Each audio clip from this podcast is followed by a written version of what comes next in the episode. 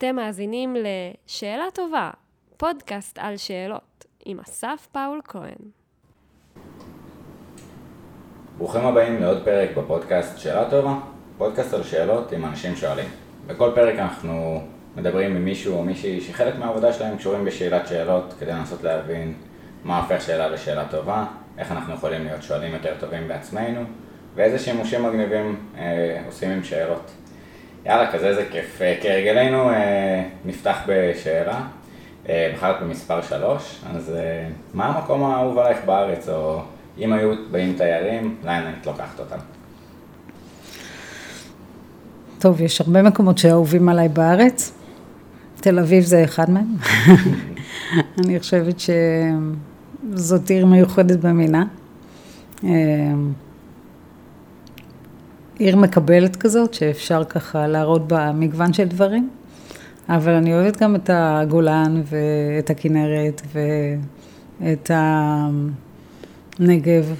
אה, אני חושבת שזה באמת אה, ארץ כזאת שאפשר להראות אותה בככה, את, את כולה לתיירים, אז אפשר לקחת לכמה מקומות. יאללה, נחכה לתיירים שיבואו, אבל אה, לגמרי. לגמרי מגניב, כאילו יש לנו שלג והמקום הכי נמוך ואילת וזה, לגמרי, ים המלח. מגניב.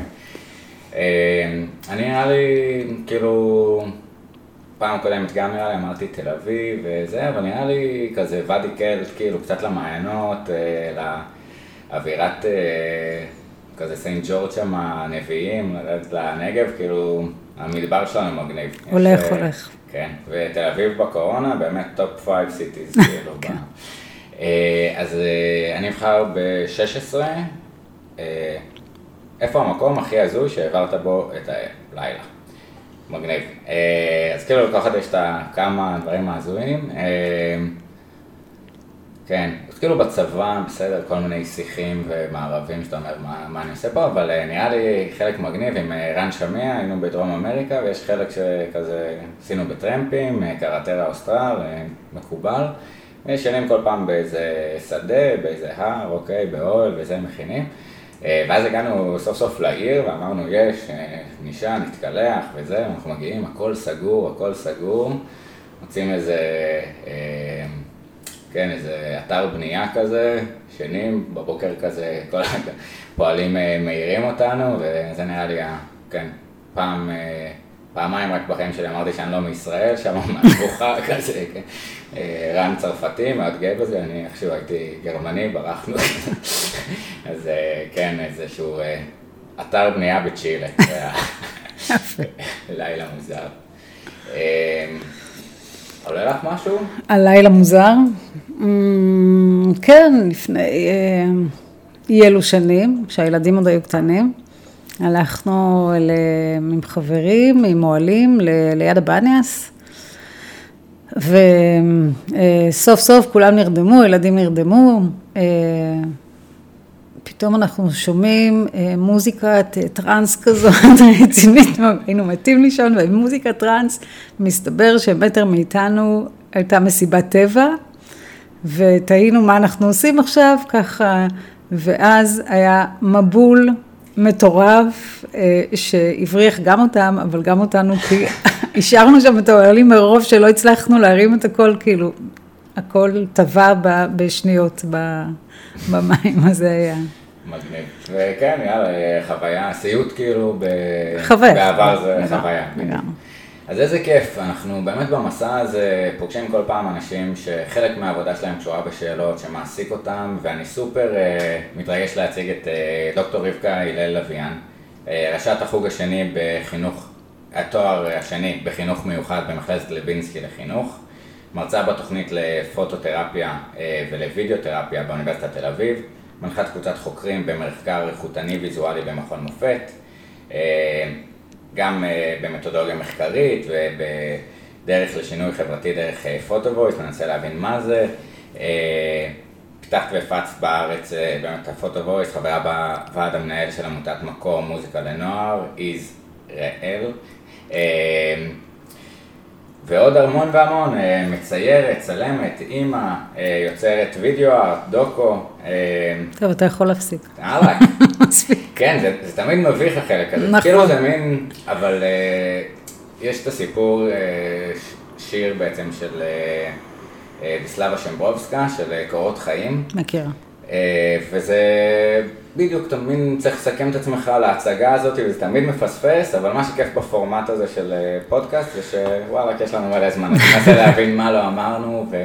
אז, אז מה באמת ככה, אה, משהו נוסף בהצגה, שאת אומרת, זה, זה לא אני, זה מתפספס. מה אין בקורות חיים? כן, אה, הצעדים שהם עשו ולא עמידת נעליים, מה שנקרא. כן. אה, למשל, ש... שהייתי בקיב... ב- בגרעין נחל אה, לקיבוץ אורטל, והקמנו את קיבוץ אורטל אה, מהיסוד, זאת אומרת, היינו גרעין אורטל לאורטל, וואלה, לפני הרבה שנים, אבל כן, גאווה מטורפת שיש לגמרי, מקום בארץ ממש. שממשיך ל... ממש, הוא היה שטח ריק לגמרי, והיום הוא משגשג, אה, לכל דבר. אז בואי נראה באמת את זה בהתחלה כזה, צבא, אנחנו עוד כאילו מרגישים בוגרים, חלוצים, תחת ילדים, עולים לשטח, רואים מה, מה, מה היה שם, מה ככה, ש...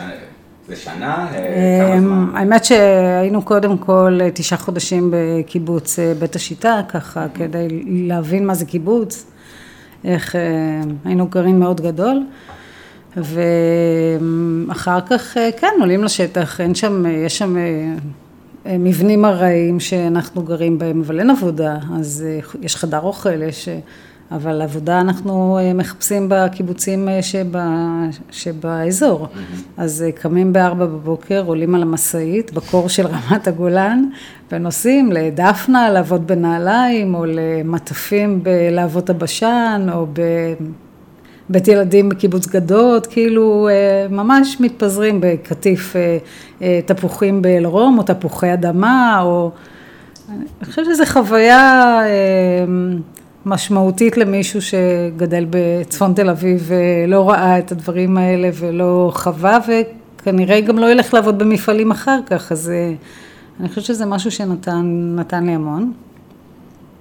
מתוך השירות הזה, אני חושבת שהחוויה הכי משמעותית, אה, מעבר לחברים שהיו איתי, היה שהגענו למושב מרגליות, ושם, אה, אה, מכיוון שהיינו הרבה בנות של, ה, של הגרעין, אז לא היה לכולן מקום בקשר בבסיס, ואז שאלו מי רוצה לעבוד במושב עצמו, אז אני מאוד שמחתי, לא בא לי לעבוד בקשר. אז, אה, ושאלו אותי אם אני רוצה לעבוד עם אה, חבורת רחוב, קראו לזה אז. ילדים שעזבו את בית ספר, אה, אה, לא, לא הפסיקו ללמוד בגיל 16, והסתובבו ברחובות שם במושב. ונורא שמחתי, זאת אומרת, לא ידעתי מה זה. לא ידעתי מה זה ילדים בסיכון, לא ידעתי מה זה חבורת רחוב, ופשוט הלכתי וזרמתי איתם. ראינו סרטי ברוסלי בקריית שמונה, וחוויות מאוד אה, משמעותיות, ואחרי חצי שנה איתם ידעתי שזה מה שאני רוצה לעשות בחיים בעצם, לעבוד עם. עם נוער בסיכון. ואז הלכתי ללמוד חינוך מיוחד, ועבדתי בבית ספר להפרעות התנהגות, ואחר כך כיועצת. ככה זה התגלגל. כן, ו- ובאמת ממקום, דיברנו קודם על חוויות מפתח, כאילו לא מצופה, אולי נעבוד בבננות, אולי נעבוד בנעליים, ופתאום המפגש הזה עם הילדים ממלא, כאילו זה משימת חיים כזה. זה... לגמרי. אז את אומרת, אה, מסלול באמת, גם באקדמיה, גם בשטח. אה, בואי ננסה קצת להבין מה זה אומר. זרקנו פה הרבה מילים, פוטו וויס, ואפילו מחקר איכותני, וכל מיני אה, אה, מושגים. אז, אז מה זה אומר? מה בעצם ככה כיום את עושה ביום-יום? אמ, עם המח... אה, טוב, כשאני למדתי לדוקטורט, התחלתי עם המחקר הנרטיבי בעצם, ו... אבל אז זה היה לפני משהו כמו 20 שנה. אמ, אה, לא יכולתי לעשות רק מחקר כזה, כי אה, הייתי צריכה לעשות גם כמותי וגם איכותני אם אני רוצה, זאת אומרת אין, אין רק נרטיבי, זה לא היה מקובל באקדמיה. אמ, ו... אה, ובאמת פניתי ל... עשיתי גם את זה וגם את זה, עשיתי בבן גוריון, ו... אבל התאהבתי במחקר הנרטיבי. זאת אומרת, ממש התאהבתי בו, מחקר שמתבסס על סיפורים, על סיפור החיים של אנשים, ובעצם אה, לומד מהחוויות של, ה, של הסיפור עצמם, מה, מהסיפורים עצמם, כמובן שכמו בכל מחקר אחר, אתה צריך להתבסס, להתבסס על ידע קודם, אתה צריך לנתח את הסיפורים, יש ניתוחים הוליסטיים ויש ניתוחים אה, אחרים, ו... אה, וצריך לדעת את כל זה, אבל מבחינת סוג המחקר זה, זה המחקר שהכי אהבתי, וזה בעצם מחקר שמשמיע קול של אנשים, זאת אומרת, בוחר נושא מסוים להשמעת הקול. אה, בתקווה לשינוי חברתי. ו... אה, וזה, זה, מאז לימדתי את המחקר הזה כ... כמחקר בתארים השניים בלווינסקי אה, במשך עשרים שנה האחרונות. יש, אז אני אגנוב מלא, מלא מההבנה הזאת, כי אני זוכר שאני עשיתי שיר לדוקטורט בריאיון, שאלו אותי מה אתה לא יודע, שהיה שאלה טובה.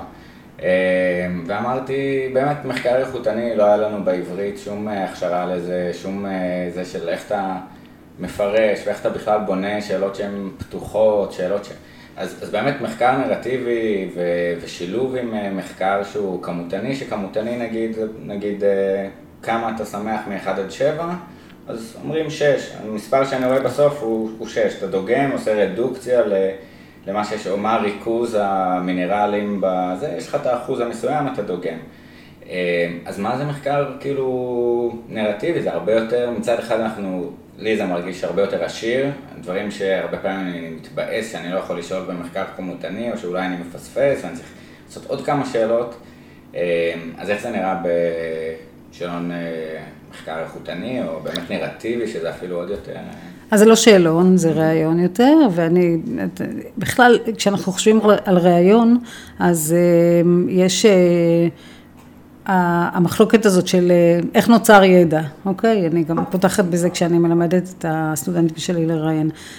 אז יש לזה שתי מטאפורות מאוד יפות. מטאפורת הקורא, שזה יותר פוזיטיביסט, פוזיטיביסטי, של הידע נמצא אצל הבן אדם, אתה מראיין, הידע נמצא אצל הבן אדם ואני רק צריך להוציא את הידע ממנו, או להבין מה הוא רוצה להגיד לי. ויש את אה, מטאפורת הנוסע, שזה בעצם משהו שנבנה תוך כדי, תוך כדי הרעיון בינינו, שנינו משתנים. משהו קורה לידע שנוצר פה ועכשיו. לא, זה לא יהיה אותו דבר אם אני אראיין מישהו אחר, או אם אתה תראיין. אם אתה תראיין אותי במקום אחר, בזמן אחר, בסיטואציה אחרת, כל ההקשרים האחרים, זה לא יהיה אותו דבר. אז משהו נוצר ברגע הזה כשאנחנו מדברים. וזה כאילו, מבחינת המחקר הנרטיבי, זה המקום שמתחיל בו הרעיון. בעצם הכרה שזה שני סובייקטים שבתוך התהליך אה, מפיקים את הידע ביחד, או... כי כאילו, אני אקח פה את אה, פרקליט הסרטן כזה של המדעני כן, כן, אין בעיה. זה. מה, כאילו, אז כל מדען אחר יקבל ידע אחר, אם זה חזרתי, מה אני יכול להבין מזה, איך כאילו זה לא רק אה, שיקוף של מה שאת רוצה שיגידו, כאילו זה... אמ, זה, מה שקורה זה שהידע שנוצר בעצם אה, בינינו, אנחנו מתוך השאלות, או, או אפילו, אה, זאת אומרת, מה שחשוב זה שבתוך כדי התהליך הזה, אני יודעת שכל דבר שאני אעשה, הוא ישפיע גם על השני, ולהפך. כל שאלה שלך גם אה, מעוררת אצלי משהו, אני לומדת ממנה משהו, אה, כל, כל שאלה שלי גם תעורר, אבל גם הנהון בראש וגם שתיקה שלי כמראיין היא משמעותית. אז כל הדברים האלה הם חשובים בראיון. והמבנה של הראיון הנרטיבי לפחות זה שאני מתבססת עליו, של אה, גבריאלה רוזנטל, 1993. אה, מעולה, נשים רפרנס, כן. אז, אה, אז הוא כזה מבנה של שלושה חלקים, שהחלק הראשון זה שאלה פתוחה מאוד, שהכי פתוחה זה ספר לי את סיפור חייך, אבל זה יכול להיות גם ספרי לי את אה, סיפור אה, חייך כמורה, היום הראשון של ההוראה שלך נגיד, או כאילו זה יכול להיות גם משהו יותר מצומצם וזה יכול להיות משהו פתוח. שפה יש גם משהו נחמד, אולי נתעכב גם על מה הכוחה של שאלה פתוחה, אבל שלפעמים שאלה לא חייבת להיות עם סימן שאלה בסוף, שזה גם נכון, הסתכלות יפה. לגמרי, כן. כן. כן, מין פתיחה כזאת, נכון, זה לא חייב להיות... ו... ובעצם אה, אנחנו נותנים, אה, אני כמרואיינת, מראיינת נותנת לבן אדם שמולי לדבר, עד הרגע שהוא מפסיק לדבר, זה פעם אחת יכול להיות שבע דקות ופעם אחת שעה, זאת אומרת זה תלוי בבן אדם השני. וברגע שהוא מפסיק, אז החלק השני זה אה, השאלות של ההבהרה ושל הרחבה של הדברים שהוא אמר בחלק הראשון. זאת אומרת, אני רוצה להבין יותר טוב מטאפורה שהוא השתמש בה, או אה, לבקש ממנו סיפור על משהו שהוא סיפר לי שהוא התנסה בו, או כאילו, גם השאלות האלה הן יהיו שאלות שהן מזמינות אה, סיפור או משהו יותר רחב, ולא שאלות של האם. כשאנחנו מבדילים פה, כאילו האם אנחנו נקבל כן, לא, אה, שאלות נורא סגורות, שונות נורא קטנה, ובאמת נכון. פחות הצצה לבן אדם עצמו. גם כאילו, את יודעת, אני אומר, כל כך הרבה ניסיון ברעיונות, רעיונות אה, נרטיביים, ובכלל בהקשבה ובבן אדם האחר, אז אני מתעכב על כל, אה, את אומרת, כאילו מטאפורות שמשתמשים, אה, הרבה פעמים זה צוהר שנסגר ושווה לאפשר עוד פעם לפתוח אותו, זאת אומרת, אם אני אומר, זה היה שם כמו לשמור חתול על החלב, לא יודע, כאילו... למה התכוונת בעניין הזה? איך, איך אה, נותנים עוד פעם הזמנה לפתיחה של מקום כזה? לגמרי, זה נכון מה שאתה אומר, איך נותנים? בדיוק, אתה יכול לשאול למה התכוונת, אה, אבל זה לא רק זה, זה, זה גם הרבה פעמים מקום אה, של, אה, תלוי מי המרואיין שלך, אבל בין תרבויות זה עוד יותר, כי כל, בכל תרבות משתמשים אחרת בשפה, במטאפורות, אז עוד יותר חשוב לשאול אם זה לא מהתרבות שלך, אבל גם אם זה כן, לא תמיד אתה אה, מבין אותו דבר את, ה, אה, את המטאפורה, וכן, לשאול, כשאמרת השמיים נפלו, למה התכוונת, או. כאילו, אין, אין שום בעיה עם זה, כאילו זה... כן. חושבת שלשאול אה, שאלות הבהרה והרחבה זה תמיד טוב, אנחנו לא מפריעים במהלך החלק הראשון בשביל לא לעצור את החשיבה של מי שמדבר איתנו, אבל, אבל כן לשאול את זה אחר כך, פשוט לרשום לך בצד ולרשום את זה, לשאול אחר כך זה רלוונטי. אדיר. אז, אז אנחנו בחלק השני אמרנו, נתנו לו, לה לפתוח ככה ולספר, אה, קצת הבנו יותר, התעכבנו גם איך החוויה אולי של הצד השני בחלק השני. כי כאילו מצד אחד, הרבה פעמים אני חושב שאנשים אוהבים לדבר על עצמם, במיוחד שמתעניינים בהם, וש... אבל כאילו איך שומרים על הסטינג שהוא חיובי בהקשר הזה? זה, מה זאת אומרת? למה שלא יהיה חיובי? לא, לא חיובי, אבל כאילו, לפעמים יש אולי תחושה, אני בכוונה אומר את זה שוב כזה קצת מה... שאנחנו עוצרים את עצמנו מלשאול. גם בחיי היום-יום, ולפעמים גם ברעיונות, או זה, מתוך או רצון לשמור על הצד השני, או עליך לא נעים לך, או... ובשאלות הבהרה, או שאלות אה, הרחבה, אה, יש אולי סכנה מזה, אז איך, באופן כללי, הניסיון של ה... קודם כל אני לא פוחדת. כאילו, אני חושבת שאם אתה הולך לראיין מישהו, אתה לא צריך לפחד לראיין אותו, כי אתה מראיין אנשים אה, בוגרים, או אה, כאילו, שהם אחראים לעצמם, בדרך כלל.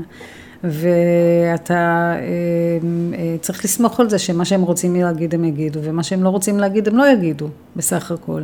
ותמיד יש אחר כך אה, אפשרות של מישהו שלא רוצה שיגידו משהו בראיין, אז אוקיי, הוא יכול לבקש, ואתה כמובן, מבחינת אתיקה, אין ספק שאני ארצה למקסם את הרווח של המשתתפים ולמזער את הסיכון, אז אני לא כן. אגיד שום דבר שהם ירצו שאני לא אגיד אותו. אה, זה באמת אבל גם בעניין של כאילו מה לשאול את הצד אחד, אבל זו תובנה שהיא מדהימה בעיניי, שלקח לי הרבה זמן גם עם 85 שאלות, פחדתי, כי חלק מהשאלות הן כאלה אישיות או קשות, או יכולות לחשוף דברים, והבנתי שכאילו זה מחול של פגיעות באיזשהו מקום, כמה שאתה מספר סיפור שהוא יותר אותנטי, אמיתי, הצד השני מרגיש מחויבות, רצון להיכנס לזה, אבל יש לו גם את האופציה לא להגיד כלום, כאילו... אה, לא יודע, אה, כזה משהו אחד שלקחת מההורים שלך לחיים, זה יכול לפתוח טירוף. הוא יכול להגיד, וואלה, את הצבע שיער של אבא שלי. וכאילו, אוקיי, שאלה הבאה, אז, אז זה גם העניין של הפגיעות, החשיפה, בן אדם יש לו איזשהו ויסות אה, שלו של לסמוך על זה. מגניב, לקחתי. ובעיניי פגיעות זה כוח. לגמרי. אז כאילו, לא חושבת שמי ש... כן חושף, הוא אה, חלש, ההפך. נכון, אני, כאילו זה חלק מה... אני חושב שבכלל עניין של אמון ופגיעות הוא נורא נורא מעניין אותי, ודווקא לא נרצה לצאת חלשים כדי שיאמינו בנו, אבל הרבה פעמים לדעתי זה אולי הפוך, והאם אתה תרגיש יותר בנוח אה, להביע פגיעות כלפי מישהו שנותן בך, שאתה נותן בו אמון, או הפוך, איך זה קורה? מרתק. אז, אז אנחנו בחלק השני בכלל. נכון. איך ככה עוטפים את ה... אז החלק השלישי של, ה, של השאלון, זה, ב- של הרעיון, זה בעצם החלק שבו נגיד אתה ראיינת מספר אנשים באותו, אה, באותו נושא, יש לך מחקר עם עשרה משתתפים כאלה ואתה רוצה, ו, וכבר ראיינת אנשים ומשהו חזר אצלם נגיד ואתה רוצה לשאול את זה כי זה לא עלה פה, אז זה מקום לשאול, משהו שלא לקוח מהראיון עצמו. ו... או שקראת משהו בספרות ומעניין אותך לשאול לגבי זה, אז זו שאלה, אתה שואל אותה. חלק שלישי הוא כזה שאתה יכול לשאול שאלות שהן גם לא היו קשורות אה, לרעיון, אה, למה שהוא העלה ברעיון, מרואיין.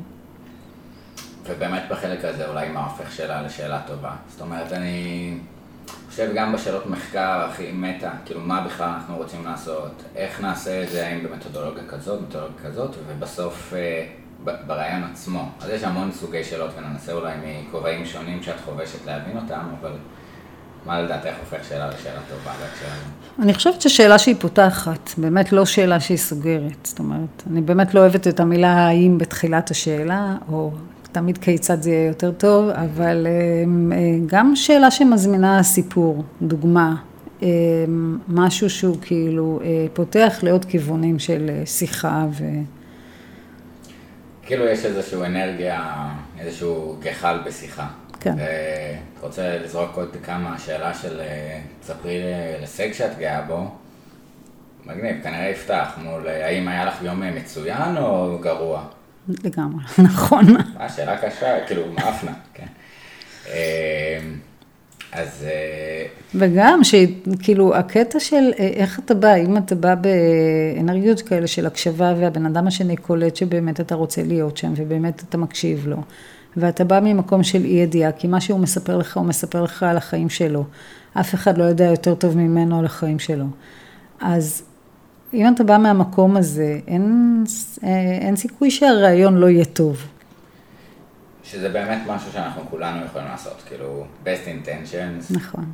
אה, להיות מודע לפעמים ללשתוק, כאילו זה גם, אה, זה it's not about you, והרבה פעמים, בראי, כאילו אולי בראיין מחקרי זה אפילו יותר קל, כי it's really not about you, באתי לראיין אותו, אבל כאילו, אה, בשיחה לפעמים גם מראיינים בראיינות עבודה וזה נופלים עליהם עם שאלות ארוכות ארוכות שמראות כמה אתה יודע, מה אתה חושב על זה.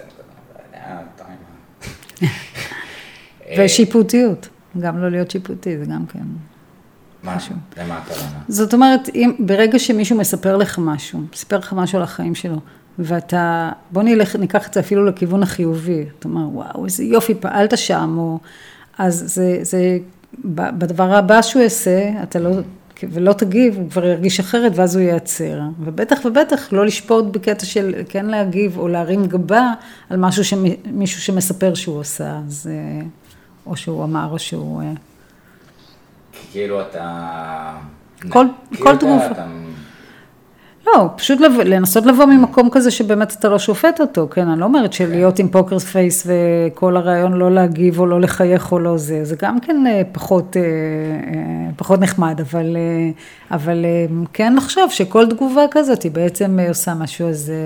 כן, מסליל כאילו בעצם קצת את השיחה, כי אתה... יש בסוף איזשהו רצון, אה, גם במיוחד במצבי כוח שאפשר אה, זה, אבל גם בשיחה יומיומית לרצות את הצד השני, אז אה, זה לא טוב, אני אעשה ככה, ואתה אומר, נותן לו את שלו רגע, לא... נכון. וואי.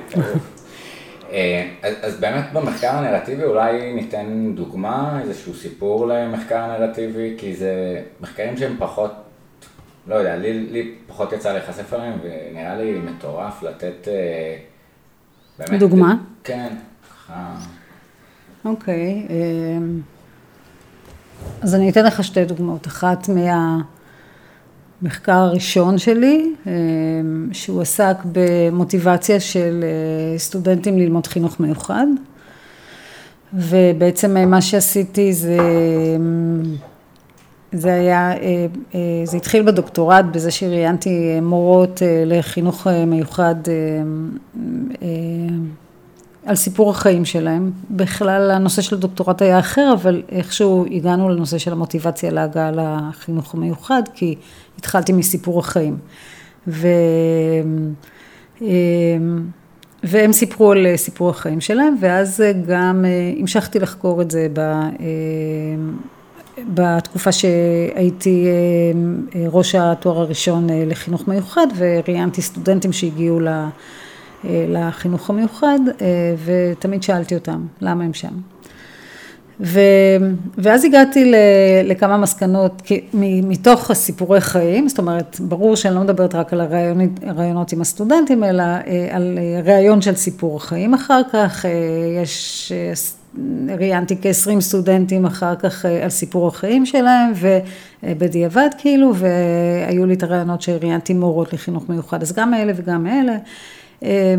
בעצם הגעתי למסקנה שמורים לחינוך, ולא היה את זה אז בספרות, אז הלכתי לקרוא ספרות גם על מוטיבציה להיות מורה רגיל, ומוטיבציה להיות מטפל, כי חינוך מיוחד הוא גם קרוב לטיפול, אז משני המקורות האלה לקחתי.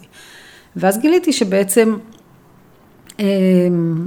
מורים לחינוך מיוחד העידו על עצמם שהם מאוד אמפתיים ומאוד זה, ויש להם קשר טוב לילדים, והם, אבל בביוגרפיה הם סיפרו על כמה דברים. אחד, זה או חריגות אישית, אני קוראת לזה שונות אישית, זאת אומרת, אני הרגשתי בבית ספר, או שהייתי לקוי למידה, או שהרגשתי קצת אחר, שונה וזה, ואני ו- ו- ועזרו לי או לא עזרו לי, אבל אני מרגיש שאני רוצה לשנות את המערכת ואני באה מהמקום הזה לתקן אותה. אז זה אחד. המקום, הגורם השני היה שונות משפחתית, הרבה מהסטודנטים היו עם אח, עם אוטיזם או אני יודעת אח עם פיגור או מישהו במשפחה, או, זאת אומרת שונות אישית או משפחתית הייתה גורם מאוד משמעותי ללכת לחינוך המיוחד, מה שלא היה אצל מורים, כן? ועוד דבר היה התנסות בטיפול או במין כזו, מין אינטראקציה כזאת עם ילדים אחרים, בטרם הגעה ללימודים בכלל. כמו שהיה אצלי למשל, שפגשתי את הנוער הזה ב... ואז זה שזה הופך להיות כל כך משמעותי ואתה מרגיש משמעות, אז אתה רוצה בעצם לעבוד בזה, כי זה, אתה מרגיש שזה משהו שנתן לך משמעות. לא, זה, זה באמת גם כאילו, באמת להציץ רגע בצורה יותר רצינית למוטיבציות הפנימיות של בן אדם לעיסוק שלו, כאילו איזה נושא מרתק ולא יודע, את יכולה לעשות את זה איכותני בגריעה הורית, לחשיפה לדברים אחרים, סתם אני זורק מקומות כאילו, אבל... כאילו באמת עושה היגיון לדבר עם הבן אדם ולהבין מאיפה זה, ו, ובסוף אבל הניתוח עצמו מתבצע כזה, ניתוח תמות, או איך, איך התוצר אז, של דבר כזה? אז זה מה שמעניין, שבעצם לא כולם יכלו להגיד, אוקיי, בגלל זה וזה וזה וזה, אני הגעתי לחינוך המיוחד, זאת אומרת, יכול להיות שהם סיפרו לך את סיפור החיים, ואז פתאום ירד להם האסימון, שבגלל שהם טיפלו בשכנה שהיא זה, בעצם זה גרם להם. אוקיי? מה אתה עושה? אני בדרך, אני חושבת שבמחקר נרטיבי, אם אתה לא משמיע את הקול של הבן אדם עצמו שראיינת, זה, זה יותר איכותני, פחות נרטיבי. כי אתה, אם כבר ראיינת בן אדם על סיפור החיים שלו, אז צריך להיות שם ניתוח הוליסטי של החיים שלו, ואז איזשהו פרופיל של הבן אדם הזה ומה הוא אומר בנושא הזה. ו, וכן, אחר כך תמות משותפות, או ייחודיות, זאת אומרת, אז אתה אומר, אוקיי, בריאיון הזה היה כך וכך. עלתה התמה הזאת והזאת, ואז אתה ממשיך. וכמובן לקחת איזה נושאים, נושאי על כאלה שהם... וכאילו באמת אולי בכובע אחר רגע, כמרצה, כמורה באינטראקציות עם הסטודנטים, איך שאלות מתנהגות בכיתה, בחוויה שלך? אז אני פותחת נגיד את השיעור הזה בשאלות אונתולוגיות ואפיסטמולוגיות של... רגע, זה מילים גסות, אונתולוגיות, מה יש, אוקיי, נכון, תיאוריות היש, ואפיסטמולוגיות מה אנחנו יכולים לדעת. נכון, אז כאילו איפה, איזה ידע יש בעולם, איך אנחנו בעצם מגיעים לידע הזה, ואז השאלה המתודולוגית, אוקיי, אם זה ככה, אז איך אנחנו אה, חוקרים אותו, כאילו, מה המתודולוגיה שאנחנו משתמשים בה. אה, ו, ואז אנחנו מדברים על, אה, על השיטות השונות, מהפוזיטיביזם עד הקונסטרוקטיביזם. אדיר, ניתן לזה קצת רגע, כי זה מרתק, זה מתחיל בשאלות יסוד, האונטולוגיה התחיל עוד מימי אה, פילוסופים היוונים, הכל מים, הכל אה, אנקסגורס, טאלס, בכלל שזה מדהים לחשוב על ההתפתחות של החשיבה האנושית, אמרנו ששאלות יחסית זה משהו חדש, אז שאלה של איך נשים דרג קווינס עושות סלפי, זו שאלה שיכולה להתקיים רק עכשיו. נכון, לגמרי. כן, ובאמת תזה מטורפת של מעיין בקרמן, מי שרוצה שיקרא. אני אומר, מהמקום של היוונים לאפיסטמולוגיה, של איך אנחנו יכולים לדעת מה יש בעולם, על התווך הזה בין, לא יודע, אידיאליזם, ריאליזם, ניתן קצת לך להסביר את ה... את המסע הזה, כי זה שאלות mind blowing לכל חוקר וגם לכל בן אדם. אני, יאללה, כאן היסטוריה. כן, מה זה? לא, אז אני תמיד מקבלת תשובות, זה בשיעור הראשון למחקר, אז כאילו, תמיד אני מקבלת תשובות, כי אה, אנחנו עושים ניסוי ואז אנחנו רואים, או אנחנו קוראים מאמרים, ואז לפי, או לפי כמות האנשים שענו על השאלה הזאת, או דברים כאלה. וכמובן בתפיסת עולם שלי זה שאנחנו לומדים יותר מחווה, או בתפיסת עולם של המחקר הנרטיבי זה שאנחנו לומדים אה, חוויות של אנשים, מסיפורים של אנשים, ממה שאנחנו רואים, ממה שאנחנו חווים, ממה שאנחנו רואים אה, אה, סביבנו, זה כאילו במקום הזה של בין יש עובדות ואין עובדות. ואז אז הסטודנטים אומרים לי, אוקיי, אבל אחד ועוד אחד זה שתיים. אז אני אומרת, אבל... האומנם? יש, יש גם הוכחה כזאת קשה של... לא. לא, בלי הוכחה קשה, אני אומרת טיפה ועוד mm-hmm. טיפה, mm-hmm. שם אותם אחת על השנייה, זה אחד, בסוף.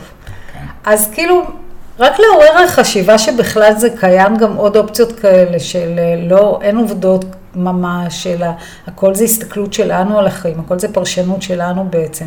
אז המחקר הזה הוא פרשני פעמיים, כי פעם אחת הבן אדם שיושב מולי מפרש את החיים שלו ומספר לי על החיים שלו בעיניים שלו. אני בטוחה שאם אה, אני אשאל מישהו אחר על ה... החיים שלו, הוא יגיד משהו אחר, אבל הוא מספר לי בפרשנות שלו את החיים שלו. ואז אני מנתחת את זה בדרכים שמנתחים אה, סיפורי חיים, ויוצרת איזושהי פרשנות אחרת מהבניה מחדש שאני עושה או מסיפור שלו, אם זה בנוי על אחד, או ממספר סיפורים. כמובן שאני נשא, מנסה להיות כמה שיותר אמינה. כאילו במחקר כזה אנחנו לא מחפשים תוקף ומהימנות, אנחנו מחפשים אמינות. Mm-hmm. בחומרים שאני מביאה מציטוטים שלו, או ב... אמ, בלנסות לתת את זה, לקרוא לעוד מישהו שהוא אה, אה, מהתחום, או שהוא עבר דברים דומים, בשביל לראות, אה, להגביר את האמינות בדרך הזאת גם. זה מרתק, זה מעיף. הדוגמה הזאת של השתי טיפות, או אה, מתי ערימת חול הופכת לערימת חול, שזה קצת שובר לנו, כאילו, אוקיי, גרגר אחד, ערימה, לא ערימה, מוסיפים, מתי זה הופך לערימה, וקצת פלואידיות של נכון, לא נכון. קצת, קצת לערער לאנשים של, אין, זה לא כזה שחור לבן הכל, זאת אומרת, באמת יש אה, באמצע. אבל עדיין כאילו יש ניסיון בעצם מהאוסף של הפירושים האישיים על בסיס הפירושים שלך כן. להגיע לאיזשהו הבנה, כאילו אנחנו כן מחזיקים באיזושהי אפיסטמולוגיה שאנחנו יכולים להגיע למשהו... אבל אה... אנחנו לא אומרים זה משהו, המשהו הזה הוא עובדה, זאת אומרת, אני, אני גם לא באה להגיד, אה, אה, המטרה היא לא להכליל כאן, זאת אומרת, את ההכללה, אם אתה תרצה לעשות, אה, אם אתה תכיר מישהו שעבר סיפור דומה, או שמשהו נגע בך בסיפור, אז אתה תעשה את זה.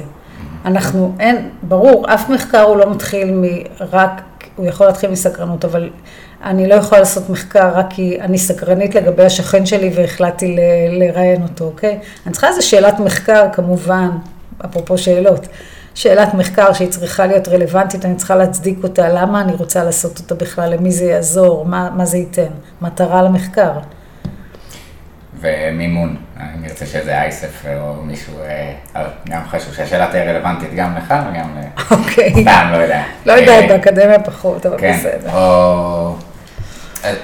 אז- כאילו חופש אקדמי, באמת הרצון לתת אה, חופש לעובדים לעסוק בשאלות שמעניינות אותם. אין הרבה ארגונים בעולם שעושים את זה, חוץ מכל אוניברסיטה, אוניברסיטה אבל זה גם המצאה די מטורפת, כאילו לא להכפיף את השאלות שיעסיקו אותך.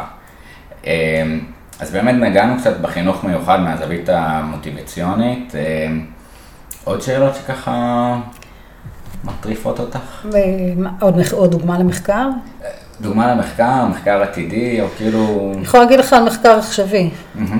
אה, פחות חינוך מיוחד, אבל אה, אה, החלטתי לחקור אה, לידות שקטות, נשים שעברו לידות שקטות.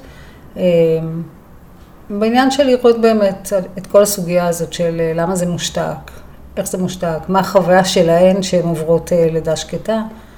אה, וראיינתי כרגע עשר נשים, אני מתכוונת לרעיונות, למרות שגם עשר נשים זה בסדר גמור למחקר כזה. ואחת התובנות שעולות זה נושא של פוסט-טראומה. שאני לא חושבת שזה ברור לגמרי, כאילו, אנחנו מדברים בארץ על אה, פוסט-טראומה של חיילים, זה נשמע לגמרי הגיוני ותמיד מדברים על זה וזה. ולא יודעים אה, שנשים, לא כולם, אבל, אה, אה, אבל שנשים עוברות משהו שבעצם אה, הוא מושתק על ידי הסביבה כי אף אחד לא נוח לו לדבר על זה, וגם חושבים שאם לא ידברו על זה, אז אה, אה, זה יהיה יותר קל לאישה להתגבר על זה, ומושתק. גם קוראים לזה לידה שקטה, כמובן בגלל שהעובר לא בכה, התינוק לא בכה כשהוא יצא, אבל זה גם מושתק מהרבה בחינות אחרות. ומהרעיונות שערכתי כבר, אה, זה פשוט אה, מדהים, כאילו גם אה, ששום דבר לא השתנה בחמישים השנים האחרונות בנושא הזה של רגישות של המוסדות לאישה. אה, לא, לא מבחינת הרופאים או המיילדות, אלא יותר הפרקטיקות שנוצרות שם, כן להראות, לה, כן להראות את התינוק, לא להראות את התינוק, לשאול את האישה בכלל, להגיד לה, אמ, ל, להכניס אותה לחדר יולדות אחרי, אה, למחלקת יולדות אחרי הלידה, כשנשים אחרות עם תינוקות שם. אה, כל הנושא הזה הם, הוא... כן, זה מרתק, וצמרמרות, מה שאמרת, כאילו פוסט-טראומה של חיילים, בארץ זה גם נורא ידוע, ואנחנו מקבלים את זה, אז גם אני אומר, זה חדש. זאת אומרת, אה, מלחמת העולם הראשונה, חזרו, אכלו כאפות. מלחמת העולם השנייה גם, די, כאילו, וייטנאם התחלנו להבין את הסוגיה הזאת של פוסט-טראומה, ומעבר לזה, הכוח של כאילו שאלה, אה, להעיר, כאילו שאלה באיזשהו מקום מאירה פנס על החוסר ידע או ממסגרת אותו, וסתם לחשוב על השינוי שזה יכול לעשות, ויש כל כך הרבה, יכול להיות שאפילו אנשים שעכשיו שומעים את הפרק, שמכירים או שהם בעצמם עברו אה, לידה שקטה, והמקום המודחק הזה של להיות בשקט ולא לדבר עליו, אה, איזה כוח יש לשאלה, אה? שש נשים מאלף. שש נשים. שש לידות, שש לידות מאלף, לא שש נשים. כן. שש לידות מאלף. זה, זה. שכיח ולא, ולא מדברים על זה. זה. לי היה חוויה שעמיתי מרקוס, מישהו שלמד איתי בתואר הראשון, ובאמת אה, ככה זה היה מחקר שלו באיזשהו הערה או של אשתו. אה, ואני זוכר שתמיד יש כזה את השאלוני, אה, תעזרו לי לסיים את התזה, וזה הרבה פעמים על כל מיני נושאים אה, או בנאליים, או צ- מלא איזה שאלון, ואני זוכר כאילו את הפוסט הזה תפס אותי מאוד, וככה דיברתי איתו על זה, כי זה משהו ש... כן, כאילו, נסתר ומוסתר בעצם. ו- ועוד יותר, כאילו, גם תוך כדי אמרת, רגע, מה עם הפרקטיקה הזאת, ומה הפרקטיקה הזאת, ולא שאנחנו מאשימים את הרופאים, פשוט לא נשאלה השאלה של, רגע, למה אנחנו עושים את זה ככה? נכון. האם היה אפשר, אפרופו אה, האם כשאלה טובה או לא, האם נוכל לעשות את זה בצורה אחרת, כאילו... או איך- כיצד נוכל כיצד, לעשות. יפה. אה, ש- how would we, כן. כן. אמ, אז מה בעצם השאלה, אבל במחקר הזה, איך מתחילים? מה החוויה, מה החוויה של, או כיצד חוות נשים אה, לידה שקטה? ש... שאלה הכי פתוחה. פתוח, כן. פתוח, פתוח. ומתוך זה... זאת שאלת המחקר, כן, כן. לא השאלה אל- אליהן, אבל כן. ברור. ו- ומתוך זה אבל צופה כאילו מחקרי המשך עם שאלות יותר ספציפיות, או עוד שאלות עם שאלות פתוחות, כאילו איך... אה, יכול להיות, אבל גם יכול להיות שפשוט מתוך זה אני אגזור דברים שהם, אה, שהם כבר יינתנו בשאלה הזאת, כי ברגע שאתה מראיין סביב החוויה הזאת אה, בערך שעה וחצי של ראיון, אז אתה גם מגיע לדברים שלא חשבת לשאול אותם, אבל הם עלו. אז זה באמת, שוב, כאילו חוזר ללא לפחד, ואוקיי, כאילו, גם ברור, באנו לדבר על העניין הזה. איך שואלים, כאילו, שאלה אחת, לא הייתה שאלה שחששת ממנה, או שאיך אני אשאל את זה, זה פשוט... לא, לא חששתי. זאת אומרת, תראה, בגלל שגם אני עברתי שתי לידות שקטות, אז כאילו, אה, כשאתה בא ממקום כזה, אז גם, אני חושבת שזה נותן לך איזו. נכון. לגיטימציה, אבל גם בדברים אחרים, אני לא חוששת כי כשבן אדם כבר מסכים להתראיין, אז, אה, אז הוא הסכים להתראיין, אז הוא בא, זה בדיוק חוויה אחרת מלמלא שאלון, זאת אומרת, למלא שאלון זה לסנג'ר מישהו, מישהו בלשבת ולמלא את השאלון, כי הוא, אתה מתייחס אליו כאל מספר, ויש עוד אה, זה, ויופי, זה עזר לסטטיסטית, אבל... ו, וכשאתה מראיין מישהו, אז אתה מקדיש לו את הזמן, ואתה מקשיב לו, וידע שנוצר שם בין שניכם, וזה משהו אחר, זה לא... זה באמת גם הנקודה של הנראות, זאת אומרת, חוויית אה, משתמש של, ה... של הנבדק או של המשתתף אה, בניסוי היא שונה לגמרי. לא קוראת לזה ניסוי, אבל בסדר. כן, מחקר, איך אומרים? כן, מחקר. כן, משתתף במחקר, הוא לא... כן, וגם החשיבות של טרמינולוגיה. לגמרי. אנחנו מדייקים בשאלות, אז גם נכון. נדייק... אה, גם שפה יוצרת מציאות, זה כאילו... אגב, עוד תחום כזה, עוד למה עוד תחום. עוד- מיישם, אה? סתם. לא, רגע, נעשה שנייה. אז מצא, אה, מילים, אה, דיברנו על... כן. דיברנו על מחשבה יוצרת מציאות והחשיבות של השימוש במילים. למה הכוונה? אז זה מביא אותי לגישה הנרטיבית בטיפול, שאני לוקחת אותה כגישה נרטיבית לחיים בכלל, לפני 25 שנים נחשפתי אליה, אה, מי, ש, אה, מי שהמציא את הגישה הזאת זה אה, וייט ואפסון, שני אה, אוסטרלי וניו זילנדי, אה, והם בעצם אה, דיברו על זה שאנחנו מספרים לעצמנו סיפור וחיים לפי הסיפור הזה. הבשורה הטובה היא שאנחנו גם יכולים באמצעות טכניקות מסוימות אה, לשנות את הסיפור לסיפור אלטרנטיבי ובעצם אה, לחיות אה, יותר טוב לפי הסיפור האלטרנטיבי שניצור.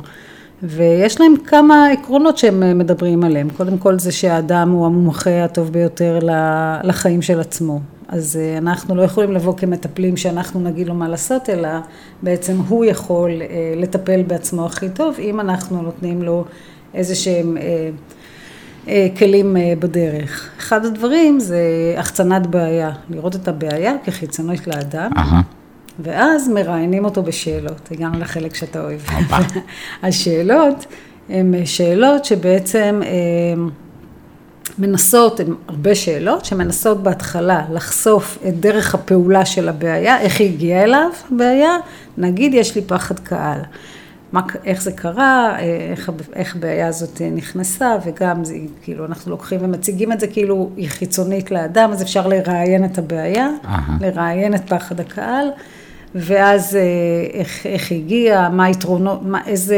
רווח משני. בדיוק יש לו, או, או ההפך, כאילו יש, אה, ואיך היא פועלת עליו, ואז לאט לאט מגיעים לסדקים.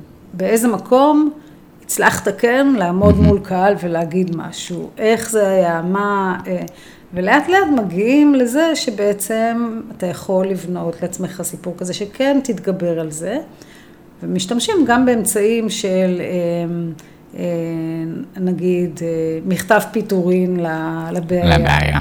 מכתב תודה ומכתב פיטורין או כאלה. והגישה הזאת גם מדברת על שפה כיוצרת מציאות, כי ברגע שאתה באמת אה, אה, משתמש בשפה מסוימת. זה ה... אה, אתה חושב ככה. יש לי דוגמה, דווקא מהחינוך המיוחד יש לי דוגמה מצוינת, כי כשאני התחלתי ללמוד, לפני הרבה שנים לימדו אותי שממנת משכל זאת עד זאת זה אימבצילים, ממנת משכל זאת עד זאת זה דבילים, ומזאת עד זאת זה אידיוטים. היום אנחנו כבר לא משתמשים במילים האלה, וזה עבר גלגולים של ילדים חריגים, היום אנחנו כבר מדברים על ילדים עם צרכים מיוחדים, בארצות הברית כבר מדברים על צרכים אחרים, כאילו השפה זה אחרת לגמרי שאתה מדבר על אידיוט ואתה הולך לטפל בו, או שאתה מדבר על ילד עם צרכים אחרים, כי mm-hmm. לכל אחד יש אה, צרכים שונים. אני לא אשכח שבאה אליי סטודנטית מרוסיה, ששם עד היום התחום של חינוך מיוחד, זאת אומרת זה מה שהיה לה בתעודה, הוא דפקטולוגיה. וואו. זאת אומרת, אם אתה לומד דפקטולוגיה, מה אתה מבין מזה? שאתה הולך ללמד דפקט, או לתקן כן. דפקטים. ואם אתה לומד חינוך מיוחד, אז אתה, אתה לא הולך לתקן, אתה הולך למצוא דרכים אחרות בשביל ללמד ילדים שאולי קשה להם בתחום זה או אחר. זה, זה מטורף וזה לכל בן אדם כל הזמן. כאילו, אני לוקח את זה אחד בשינוי השפתי שאני חושב שכמדינה אנחנו צריכים לעשות, זה לא להגיד יותר פוליטיקאים, כאילו בסוף זה היה סבבה, כמו להגיד עם בצילים וזה, אבל הם uh, מתנהגים לא יפה מאז שאנחנו קוראים להם פוליטיקאים, אז שליחי ציבור, להזכיר להם, אולי זה יעשה קצת עבודה. uh, אבל הדיבור הנרטיבי העיף אותי, אני גם הולך, uh, הלכתי פעמיים וחצי ככה לטיפול סביב שנה, וזו הייתה המטרה שלי לעצמי, כאילו באיזשהו מקום לספר, להבין את הסיפור דבר ראשון, ולספר אותו בצורה קוהרנטית, וגם יש לך בחירה, כאילו להיות... שוב, אם אתה מסכן שכל פעם נופל צרות שהוא צריך לטפל בהם, או שאיזה כוחות יש לך שלמרות הכל אתה עושה ככה, והנה... לגמרי. ו... ובסוף כאילו אפשר לעשות את זה בטיפול ומומלץ מי שיכול, אמ, אבל אמ, כאילו יש לנו את השליטה על הקול הפנימי שלנו לפחות. שהוא נורא נורא רעיל בדרך כלל, ומאשים, ואף חבר לא היה מדבר, או חברה מדבר עלינו ככה, אז כאילו אולי שמה קצת לעשות את התיקון של השיח, ובכלל הנרטיב של לספר את הסיפור של, את יודעת, גם, גם הסיפורים נורא מעניין, כמה זה חוזר פה כ, כמשהו מאחד וזה, אבל יאללה, של העם הזה גם כאילו, בואנה, יש סיפור מגניב, ועברית, וחוזרים, ו, וכאלה, ווירוס פתאום, יאללה, עברנו מלא מגפות, עשינו עניינים, בואו כעם נהיה, כן, נכון. יאללה, סיפור. אז אז כאילו אולי לפני שנעבור מהנושא של אה, חינוך מיוחד, מעניין אולי קצת לשאול איך שאלות מתנהגות שם. כי לפעמים יש שאלות ש... אה, יש אה, מאיה בוזו של באמת שאלות של שאלה פורייה. שהיא צריכה להיות סופר מורכבת, והשוואות כדי להגיע יותר גבוה בטקסונומיה של בלום, ומגניב, אבל כאילו לפעמים בחינוך מיוחד נרצה לעשות התרמה ו... ולפשט את הדברים קצת, אז איך, לא יודע, יש כאילו התייחסות ספציפית לאיך אנחנו שואלים שאלות, או איך אנחנו... אה, תראה, חינוך מיוחד, התחום הוא כל כך כן. ממש רחב, כן, אז כאילו זה ממוגבלות שכלית להפרעות התנהגות קשות, או כאילו כן. אוטיזם, אה, יש, זה באמת תחום מאוד מאוד גדול, אבל זה דווקא מביא אותי, ל, זה, ד, זה דווקא כן מביא אותי ל photovoice, יאללה. כי, אה, כי פררה, שהוא mm. מאבות ה photovoice, זאת אומרת מי שהמציא את הפוטו וויס, נשים לינק, פאולו פררה, זה לינקים שתראו ותקראו, זה במיוחד, פאולו פררה מטורף, כן, סליחה. אז התיאוריה של photovoice, תכף אני אחזור אחורה כן. לאיך הגעתי אליה, אבל התיאוריה של פוטו-וויס מתבססת על שלוש תיאוריות אה, עיקריות, אה, ופררה, פאולו פררה הוא אחד מהם, מחנך ברזילאי, אה, שצמח בברזיל בפבלות, ובאמת אה, הוא דיבר על אה, חינוך אה, בנקאי לעומת חינוך דיאלוגי. ובחינוך, מה שהוא אמר זה שהמדינות בעצם הממשלים מעוניינות בחינוך בנקאי, וזה מה שעושים בבתי הספר. נכון שהוא דיבר על לפני הרבה שנים, אבל זה עדיין יכול להיות שזה מה שמתקיים. הכוונה היא מה, למקסם שהאנשים יהיו אזרחים עובדים והמערכת תעבוד, אנחנו רוצים להכניס אותם לפס ייצור, זה הראייה? בדיוק, שהם יהיו צייתנים.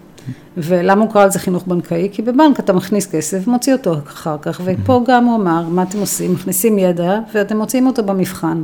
זאת אומרת, אתם נותנים להם להיות צייתנים ולא אה, חינוך דיאלוגי שבעצם אה, יגרום להם להבין יותר טוב את החיים של עצמם ואת ה, ולעזור לעצמם ולעזור בעצם לאחרים ולהיות הומניסטים אחר כך.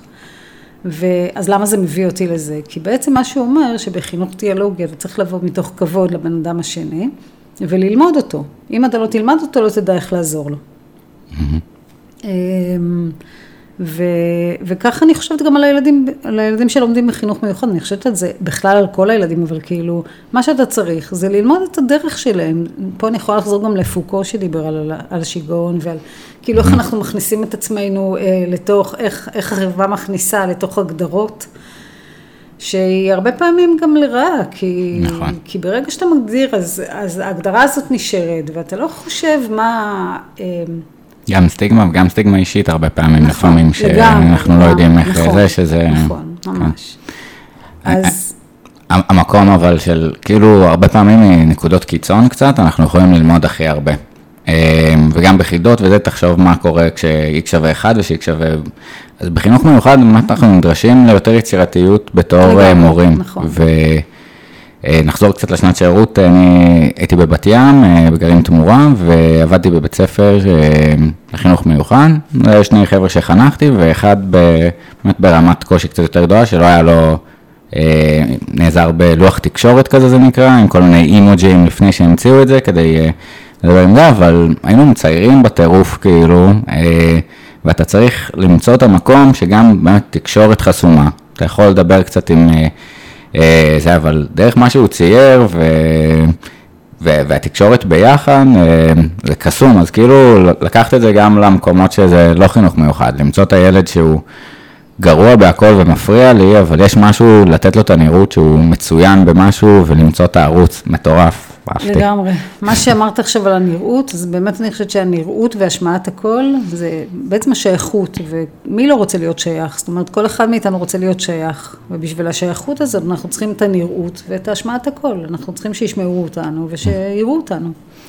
אז, אז, זה ה... אז פוטו וויס, כן, אז, אז פוטו וויס, מה זה אומר, ואיזה מטורף, כן.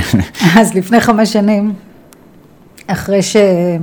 סיפרתי לך על הקבוצה הזאת של החבורת רחוב. הנוער בסיכון שעבדתי איתם, ואז אה, הזדמן לי להגיע לפוטו ישראל, לעמותה, ולהתנדב, שאלו אותי אם אני רוצה להתנדב בגן מאיר, בעמותת אה, בצילום, כאילו לבוא עם מצלמה ולעשות משהו, לא ידעתי מה. ידעתי רק שבסוף יש גם פסטיבל הצילום הבינלאומי, ובאותה שנה הנושא שלהם היה אה, מרחב מוגן, והפסטיבל בעצם הוא שייך לפוטו ישראל, זאת אומרת פוטו ישראל לעמותה mm-hmm. מקימה את הפסטיבל. אז, אה, והרעיון שלהם היה לעשות טוב באמצעות צילום לאנשים. אז אני לקחתי חבורה שם של, נורא שמחתי לחזור לשם, כי אחרי שנים באקדמיה, אמרתי איזה כיף סוף סוף להגיע שוב לילדים, אה, לנוער כזה, ובאמת הלכתי פעם בשבוע במשך שבעה חודשים, אה, נורא שמחתי להיות שם, הסתובבתי איתם וצילמנו גם בתוך המקלט, גם מחוץ למקלט, והיה לנו אפשרות שם לראות במקרן את מה שצילמנו. אה, הבאתי איתי מצלמות ודיברנו אחר כך על הצילומים, וגם, וגם אה, הצגנו אותם אחר כך. ואחרי שבעה חודשים כאלה, בגלל שהיה לי הרבה חומר של צילומים ו, והטקסטים שהם אמרו עליהם, אמרתי, אני חייבת לחקור את זה, בואו נראה ה... איך, זה, איך זה מעצים, איך זה, מה זה עושה בעצם. ואז חיפשתי מתודולוגיה שתנתח צילומים, והגעתי בכלל לפוטו וויס, ואמרתי, זה בדיוק מה שעשיתי, כי המטרות של פוטו וויס היא לחלק מצלמות לקבוצה מוחלשת, מודרת, אני לא אוהבת את ההגדרות האלה, אבל זה בהגדרה של ה... זה מחקר אה, פעולה אה. Under representative? כאילו... מה? בתת ייצוג, כאילו? אני חושבת, אני כאילו, אני לא אוהבת את המוחלשות מודרות, כי אני אומרת, כל אחד יכול לצאת מזה נשכר, כל קבוצה, אני כאילו, תבוא לקבוצה של מרצים באוניברסיטה, mm-hmm. תעשה להם photovoice על בעיה שמטרידה אותם, הם לא קבוצה מוחלשת ולא קבוצה מודרת, כן? Uh-huh. אז... הערך הוא לא רק לזה, אלא נכון, פשוט בדיוק, יוצר ערך, נכון. ואנחנו אומרים, אנחנו רוצים גם ככה לקדם את ה... נכון. מעניין. אבל כשוואנג ובוריס המציאו, שתי חוקרות שהמציאו את, ה, את ה photovoice ב-94, הם כתבו שזה לקבוצות אה, מוחלשות ומודרות. אז, אה, אז היינו בקבוצה הזאת, אה, אז, אז בעצם, הרי, אז מה המטרות, המ- אה, מה עושים? מחלקים מצלמות לאנשים, היום לא צריך לחלק מצלמות, יש גם פלאפונים, אה, ומביאים את... אה, יש אה, סוגיה שאנחנו רוצים לחקור אותה, עכשיו לפעמים היא עולה מהשטח מהקבוצה, ואם זה מחקר ואתה רוצה לחקור משהו מסוים על החיים של האנשים האלה, בגלל שזה מחקר פעולה שיתופי, אז בעצם אנחנו יחד איתם מ- מגדירים, מסבירים על מה אנחנו רוצים לעשות, ואיך אנחנו רוצים לדבר על הסוגיה הזאת. ואז אה, מביאים את הצילומים, וסביב הצילומים יש שאלות שהדיאלוג הוא אה, בחשיבות לא פחותה או יותר גדולה מאשר הצילומים, ויש חמש שאלות שהן אה, הבסיסיות שאנחנו שואלים על הצילום כדי לפתח תודעה ביקורתית, כי זה אחת המטרות של הפוטובוס, שאנשים אה, שמשתתפים ידעו איך פועל, פועלים הכוחות הכלכליים, החברתיים, אז השאלות הן, מה אתה רואה בתמונה? אה, מה בעצם קורה בתמונה? אה, איך זה קשור לחיים שלנו, שלך? אה, איזה כוח פועל פה? מעניין. פוקו גם קצת שם. כן. והשאלה האחרונה זה מה אני יכול לעשות.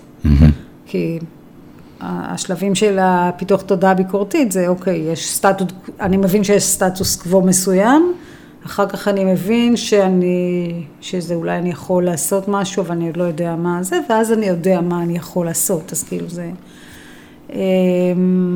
אה, והרעיון הוא בסוף אה, להביא את זה אה, בפני קובעי המדיניות באמצעות תערוכה או תערוכה וירטואלית או כל דבר אחר, אבל באמת לדאוג שאנשים שיכולים לעשות איזשהו שינוי חברתי, לראות את זה ולשנות משהו, כן יראו את זה. אז התערוכה היא אחת מהמטרות של הפוטו-וויס. ועבדתי עם הקבוצה הזאת, ואז באתי ואמרתי בפוטו ישראל, אז היינו רק שתי מתנדבות. אמרתי להם, בואו, נלמד מתנדבים את השיטה, ושילכו אה, ל, להרבה עמותות ו, ויעשו את זה. וזה מה שהיה. היום יש, אני חושבת, 150 מתנדבים, אה, ויש פרויקט מאוד מאוד יפה עכשיו של הקורונה, שנקרא חיבור מצולם, ש... פנו אליו, זה, זה, הרעיון הוא אה, שקשישים שנשארו בבית, הגיל השלישי שנשארו mm-hmm. בבית ובקורונה, ושהם אה, יביעו את עצמם באמצעות פוטו וויס, בזום. ואז המתנדבים של פוטו ישראל, אה, יצרנו קבוצות כאלה של, אה, של מתנדבים, ש, זאת אומרת, קבוצות של אה, הגיל השלישי, שכל מתנדב קיבל קבוצה כזאת, שהוא מנחה אותה אחת לשבוע בזום. וזה בערך אלף אנשים של הגיל השלישי שהם בעצם נעזרים בזה, וכדעת 80 מתנדבים, משהו כזה. מאוד מרגש, באמת כזה. אז זהו, אז אני הכנסתי את הפוטו וויס, כאילו, חוץ מפה בהתנדבות, גם באקדמיה. אני עשרים שנה הייתי בתוך המחקר האיכותני בכל הגוונים שלו ולא שמעתי על, ה, על פוטו וויס, לא היה את זה בארץ וחשבתי שזה באמת דרך נהדרת, אז בתואר שלי פתחתי קורס שנקרא פיתוח רגישות רב תרבותית באמצעות פוטו וויס והגישה הנרטיבית ואני מלמדת את המתודולוגיה הזאת את הסטודנטים מהתואר השני. ובפוטו ישראל זה מהבחינה של שינוי חברתי וככה בהתנדבות שלנו. איזה כלי מטורף ומלא כוח. אני לקחתי כמה נקודות, אני אעיר כאילו שאותי ממש תפסו. אחד זה ה... איך אמרת? collective action? מחקר, כן, מחקר שיתופי. פעולה שיתופית. פעולה שיתופית. איזה יופי, גם להוציא קצת מהמגדל השן ו- ולרדת לשטח באמת. דוגמה לא טובה שיש לי של כאילו, או לא יודע, נגיד אנחנו רוצים לחקור מושבות של טוב, זה תמיד קשה האנלוגיה של אה, בעלי חיים, אבל נגיד, אני רוצה לראיין אה, פרופסור, אני אדבר איתו, אני אקבל ככה בכלים הרגילים, אבל אם נשים עליו מצלמת גוף, אתה תראה את כל המסביב. או עוד יותר, מה, יש פה עוד הרבה מתות כזה, כאילו מה אתה בוחר בתוך הסיטואציה לצלם, זה דבר ראשון, מה בתוך כל הריף הזה, ריף במלא דגים, מה אתה בוחר כפרט, או שתופס את הזה שלך, ואז עוד על זה לעשות אה, עיבוד, ומעבר לכאילו חשיבה ביקורתית, שאדיר, גם questioning אגב, כאילו, נכון. אה, אה, זה גם נראה לי מדקארט בסוף, ה... קצת אה, ספקנות אה, היפרבולית כזאת קיצונית, אבל שנייה בואו נטיל ספק למה הדברים קורים כמו שהם קורים, ועוד יותר ה-call to action. זאת אומרת... לגמרי, אה, זה מאוד חשוב. נכון, זה מאוד חשוב. זה כניסה לנקודת המבט של המשתתף, דרך העיניים שלו, דרך התמונה שהוא צילם, לא החפצה של התמונה, אלא כניסה מנקודת המבט שלו. זה לא צילום תיעודי שאני באה לצלם אותו ואומרת הוא כך, אלא ההפך. ו, ובאמת קריאה לפעולה, זה מה שחשוב בסוף, בסופו של דבר במחקר פעולה שיתופי כזה. בואו נעשה עוד משהו, ואז יש את הסבב השני, זה כמו ספירלה כזאת. שאז, אוקיי, אנחנו בוחנים משהו, ואז ממשיכים, בואו נצלם את זה ונראה מה קרה עם זה. ש- שכאילו, ככה עכשיו קצת דיברנו על הפוליטיקאים, בהגדרה יש להם כל מיני blind uh, sides. Uh, הרבה פעמים מידע צריך להגיע אליהם, עובר uh, לעיסה של לוביסטים, עובר uh, כל מיני אינטרסים שמעצבנים אותנו, ולנו קשה להגיע אליהם, יש להם את כל התקציבי uh, קשר עם, הציב, uh, עם המצביע, עם הבוחר, שהולך לסושים, ואני חושב שהכוח פה של באמת, מה מפריע לנו?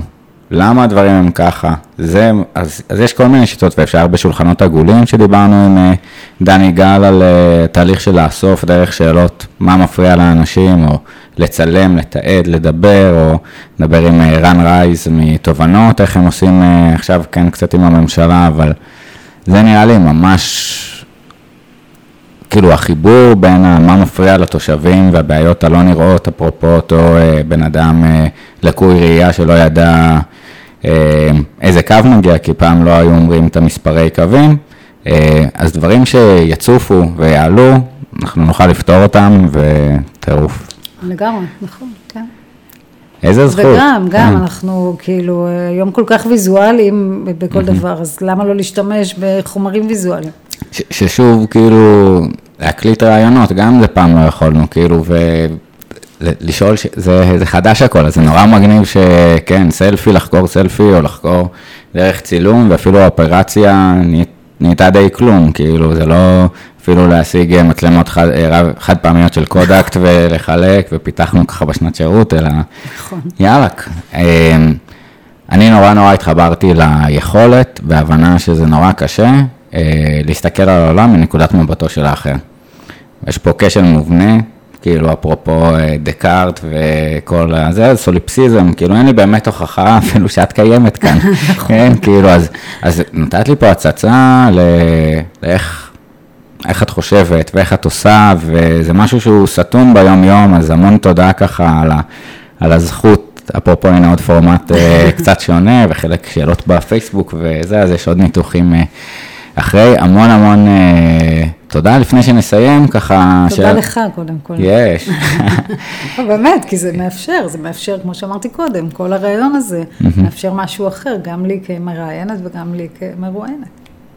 אמ, אז זכות גדולה, אנחנו מסיימים כל פרק בשאלה, אה, השאלה זה, אה, אם היית יכולה לתת אה, טיפ או עצה לעם היושב בציון על כל גווניו, או לעולם כולו, על שימוש בשאלת שאלות או בשיחה עם זה עם זה, מה ככה שיהיה לנו פה יותר טוב. לבוא באמת ממקום של הקשבה, כי האדם שיושב מולך יודע אם אתה מקשיב או לא, וזה הרבה יותר קל לדבר למישהו שמקשיב אליך, לבוא פתוח, ממקום לא שיפוטי, ו...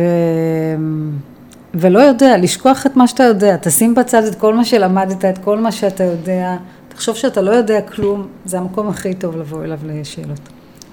אה, אדיר. אז אני מתחבר, כאילו, זה משפט שאני אומר וכל פעם אני צריך לעבוד עליו, של אה, כאילו, מה שאתה יודע, אתה כבר יודע, זה לא מעניין, יש לך הזדמנות לשמוע זווית אחרת, גם אם אתה לא מסכים איתה כרגע, אז אה, באמת לקחת אולי את החוק של ה... לחכות עד שהבן אדם יפסיק לדבר, ואם זה שבע דקות או שעה, אה, תהיה שמה, כי זה חוסם, ואולי הוא בונה איזה מהלך לוגי, אולי עדיין המידע לא עלה, סבלנות קצת, אה, וכן, להיות ב... ב-good intentions, בוא נגיד ככה. לגמרי. המון תודה, חבר'ה, פרק הבא, מוזמנים, אה, מלחם באדר, אה, מוזמנים לשלוח לו שאלות אה, לפני, אה, איזה כיף. תודה. תודה רבה. תודה רבה. ביי ביי.